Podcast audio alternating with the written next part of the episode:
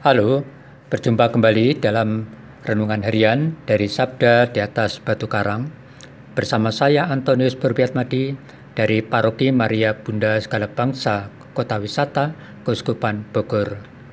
Saudara-saudari yang terkasih, hari ini Sabtu tanggal 4 Desember adalah hari biasa pekan pertama Advent.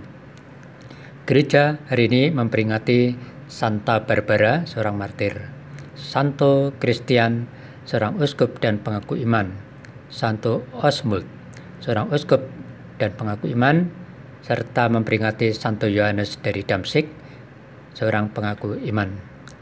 Tema renungan kita hari ini, panggilan menjadi rekan kerja Tuhan. Yang terinspirasi dari bacaan kitab suci hari ini, bacaan pertama diambil dari nubuatan Nabi Yesaya pasal 30 ayat 19 sampai 21, dilanjutkan ayat 23 sampai 26. Dan Injil suci dari Injil Matius pasal 9 ayat 35 sampai dengan pasal 10 ayat 1 dilanjutkan ayat 6 sampai dengan 8. Mari kita dengarkan sabda Tuhan.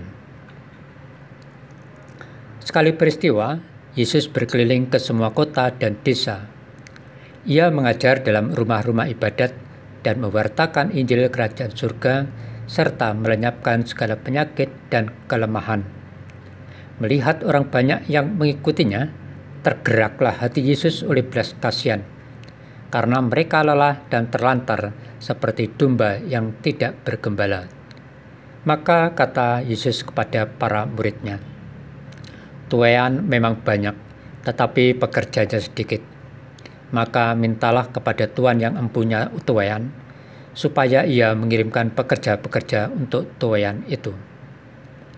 Lalu Yesus memanggil kedua belas muridnya dan memberi mereka kuasa untuk mengusir roh-roh jahat dan untuk melenyapkan segala penyakit serta segala kelemahan. Yesus mengutus mereka dan berpesan, Pergilah kepada domba-domba yang hilang dari umat Israel Pergilah dan wartakanlah kerajaan surga sudah dekat.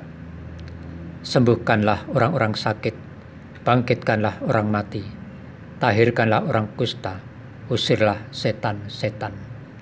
Kalian telah memperoleh dengan cuma-cuma, maka berikanlah pula dengan cuma-cuma. Demikianlah Injil Tuhan.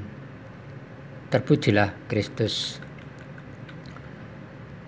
Saudara-saudari yang terkasih, akibat pandemi tidak sedikit perusahaan yang terpaksa gulung tikar dan memberhentikan banyak karyawannya. Tentu itu mengakibatkan banyak orang kehilangan pekerjaan yang sangat dibutuhkan oleh keluarganya.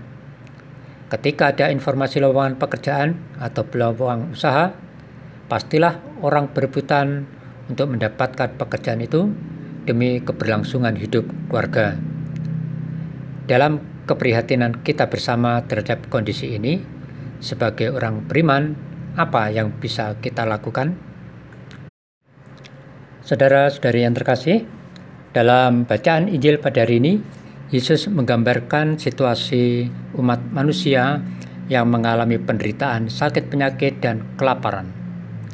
Menghadapi hal tersebut, Yesus ingin membantu mereka. Yesus sebenarnya mampu melakukannya sendiri, namun Yesus tetap membutuhkan tenaga-tenaga atau rekan sekerjanya yang dapat membantunya dalam memberitakan Injil demi keselamatan umat manusia. Untuk maksud itu, Yesus telah memilih dan menetapkan sebanyak 12 orang untuk menjadi murid dan rasulnya.